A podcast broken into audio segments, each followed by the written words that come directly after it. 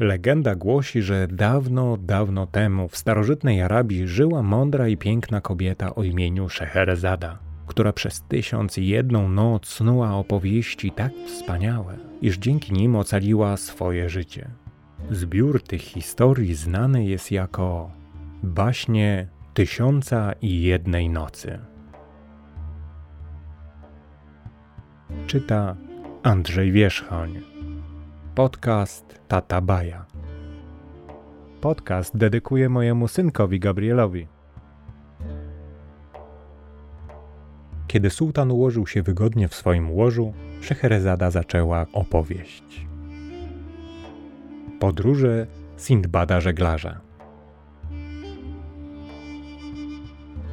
Podróż siódma Wyspa Słoni.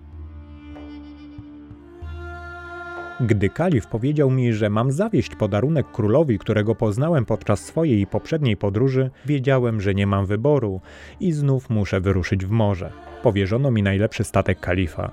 Sprzyjał nam wiatr, morze było spokojne i do Sarandibu, krainy klejnotów, dotarliśmy bez problemów. Król był zachwycony, że znowu może mnie zobaczyć, a podarunki tak bardzo mu się podobały, że kazał załadować mój okręt jeszcze cenniejszymi bogactwami i zawieźć je do kalifa.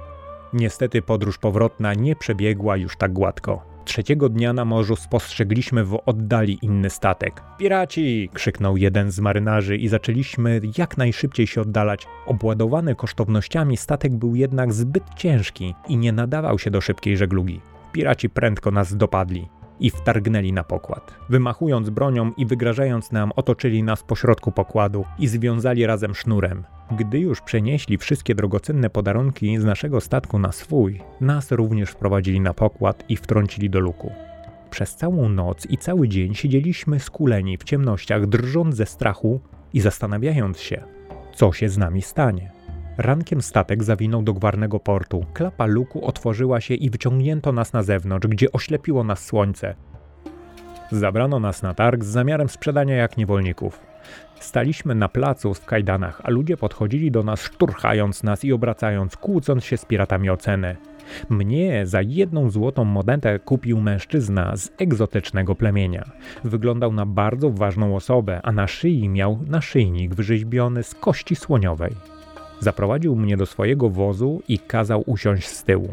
Wóz podskakiwał na wyboistej drodze i wkrótce wjechaliśmy do wioski pełnej glinianych chat o dachach pokrytych strzechą. Gdy ją przemierzaliśmy, wszyscy stawali i witali się z moim nowym panem. Zrozumiałem, że musi być ich przywódcą. Zatrzymaliśmy się przed największą z chat. Mój pan zaprowadził mnie na podwórko, po czym zdjął mi kajdany i poczęstował jedzeniem i wodą. Kiedy skończyłem się posilać, stanął naprzeciw mnie i powiedział: Bądź mi posłuszny, a będę cię dobrze traktował.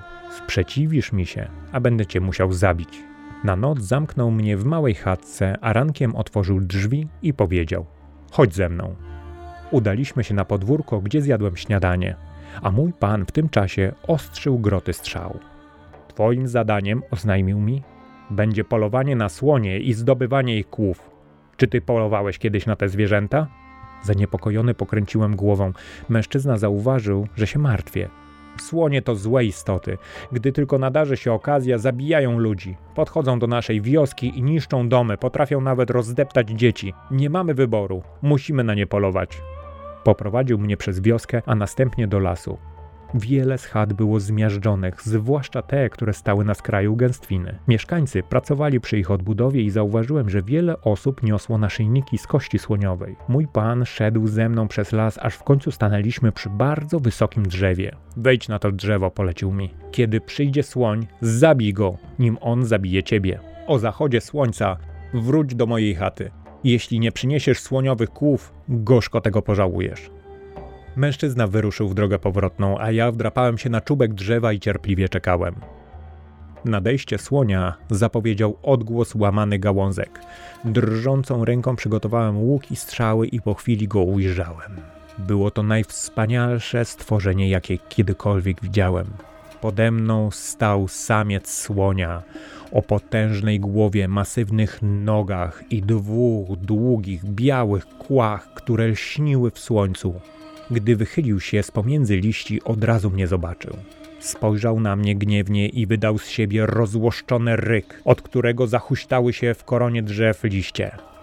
Skierowałem łuk na rozjuszonego słonia, ale trząsłem się ze strachu, a wraz ze mną chybotała się strzała. Zwierzę mogło z łatwością porwać mnie z drzewa trąbą niczym liść i zgnieść olbrzymią nogą. Powinienem zabić tego słonia, nim on zabije mnie, pomyślałem. Było jednak w jego spojrzeniu coś, co sprawiło, że zacząłem się wahać. Powoli opuściłem łuk i czekałem, co się wydarzy. Słoń wyciągnął trąbę w kierunku drzewa i wyrwał mi z dłoni łuk i strzały.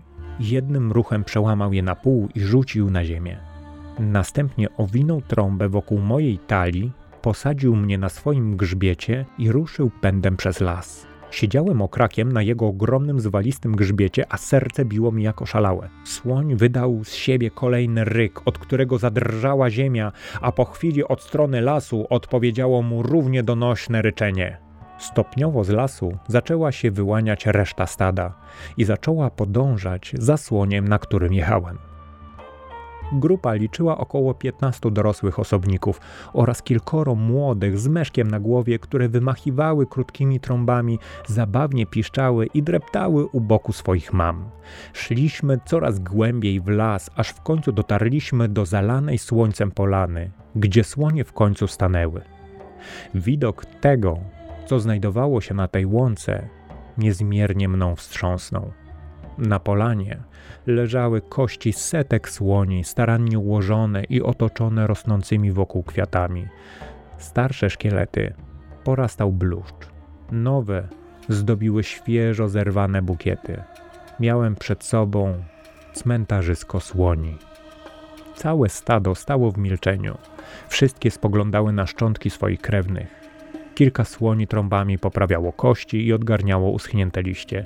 Gdy rozejrzałem się po cmentarzysku, zauważyłem, że szkielety są pozbawione kłów.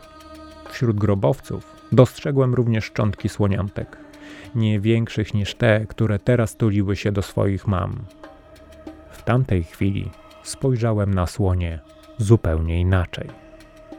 Zabijano je dla kłów, a one jedynie próbowały się bronić. Musiałem coś zrobić, by przerwać tę krwawą wojnę. Nie miałem pojęcia, czy słonie mnie zrozumieją, ale postanowiłem przemówić.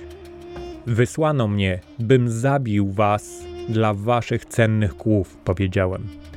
Chcę opowiedzieć ludziom, którzy mnie tu przysłali, o tym, co zobaczyłem i poprosić, by przestali was atakować. Czy udacie się ze mną do wioski, by pokazać, że potraficie być przyjazne? Słoń mruknął i zaczął maszerować ciężko stąpając. Poprowadził swoje stado obok drzewa, przy którym leżały moje połamane strzały, a następnie do wioski. Kiedy słonie weszły na teren osady i przemaszerowały obok na wpół odbudowanych domów, ludzie uciekali z przerażeniem na twarzy. Inni stawali w drzwiach swoich domów, dzierżąc broń, gotowi by zaatakować. Majestatyczny pochód całego stada zrobił jednak na nich ogromne wrażenie i nikt nie rzucił się do ataku. Zatrzymałem słonia przed domem mojego pana. Przyniosłem ci słoniowe kły, o które prosiłeś, oznajmiłem. Jednak pozostawiłem je na słoniu. Mój pan wyszedł na zewnątrz. Musisz być potężnym demonem, skoro potrafisz poskromić słonie, zawołał przerażony. Nie poskromiłem ich, odpowiedziałem. To raczej one poskromiły mnie. Przyszły tu, by pokazać wam, że możliwy jest rozejm między ludźmi a słoniami. Atakują was tylko dlatego, że zabijacie je dla kłów. To zwierzęta, krzyknął mój pan. Nie potrafią tak rozumować. Pokazały mi cmentarzysko słoni, wyjaśniłem. Opłakują śmierć swoich bliskich tak samo jak ludzie. Skąd mamy mieć pewność, że nie skrzywdzą nas, gdy przestaniemy je ścigać? spytał ktoś za mną i gdy się odwróciłem, zobaczyłem za sobą tłum przestraszonych ludzi, którzy zebrali się dookoła stada. Jeśli pozwolicie im opuścić wioskę i przestaniecie na nie polować, one także zostawią was w spokoju, oznajmiłem, mając nadzieję, że tak właśnie się stanie. Dobrze, zgodził się mój pan. Zaryzykujemy. Mieszkańcy wioski rozstąpili się, by przepuścić słonie. Przywódca stada objął mnie trąbą i postawił przed moim panem. Zwierzę skinęło do mnie głową, następnie odwróciło się i poczłapało z resztą stada w kierunku lasu. Zdumieni mieszkańcy wioski długo przyglądali się maszerującym słoniom w stronę dżungli. Mój pan zmarszczył brwi. Nie zachowujesz się jak niewolnik, mruknął. Żaden człowiek nie jest w głębi duszy niewolnikiem, odparłem. Skoro już nas przekonałeś, abyśmy porzucili nasze zajęcie, może teraz powiesz, jak mamy zarabiać na życie? spytał. Wyrabialiśmy ozdoby z kości słoniowej, które kupowali od nas kupcy w porcie. Teraz nie będziemy mieć nic do sprzedania. Zastanawiałem się przez moment i po chwili przypomniała mi się kraina, którą odkryłem podczas poprzedniej wyprawy. Jako kupiec zwiedziłem wiele miejsc i znam pewną krainę, gdzie drewno jest cenniejsze niż drogocenne kamienie, powiedziałem. Możecie wykorzystać umiejętność rzeźbienia przedmiotów w drewnie i sprzedawać takie wyroby mieszkańcom tamtych stron. Mogę nawet zawieźć cię tam i przedstawić władcy, jeśli tylko się zgodzisz. Po naradzie ze starszyzną mój pan zgodził się popłynąć ze mną do krainy klejnotów. Udaliśmy się do portu i zapłaciliśmy za miejsce na statku, który tam właśnie zmierzał. Kiedy w końcu dopłynęliśmy do Sarandibu, król powitał nas z otwartymi ramionami. Mój pan zdumiał się wielce, widząc swojego niewolnika tak serdecznie witanego przez władcę. Opowiedziałem przyjacielowi o wszystkim, co się wydarzyło, i ten z początku nie zapałał sympatią do mojego towarzysza. Wyjaśniłem jednak, że nie mam przywódcy plemienia za złe jego zachowania i przedstawiłem mój pomysł. Króla bardzo zaintrygowała moja propozycja. Razem ze swoim panem omówili szczegóły i uścisnęli sobie dłonie na znak zawartej umowy. Król miał za miesiąc wysłać statki z zapłatą za pierwszy ładunek drewnianych wyrobów. Ja natomiast byłem wolny i mogłem wrócić do domu. Rozstaliśmy się w przyjaźni. Ruszyłem w kierunku ojczyzny na kolejnym statku pełnym podarków. Droga do domu przebiegała gładko i nie obfitowała w przygody, ku mojemu zadowoleniu. Nigdy wcześniej mój powrót do domu nie ucieszył mnie tak bardzo. Miałem już dość podróży do końca życia. Zapuściłem korzenie w swoim mieście i mogę z ręką na sercu przysiąc, że nigdy więcej nie pragnąłem już wyruszać w morze.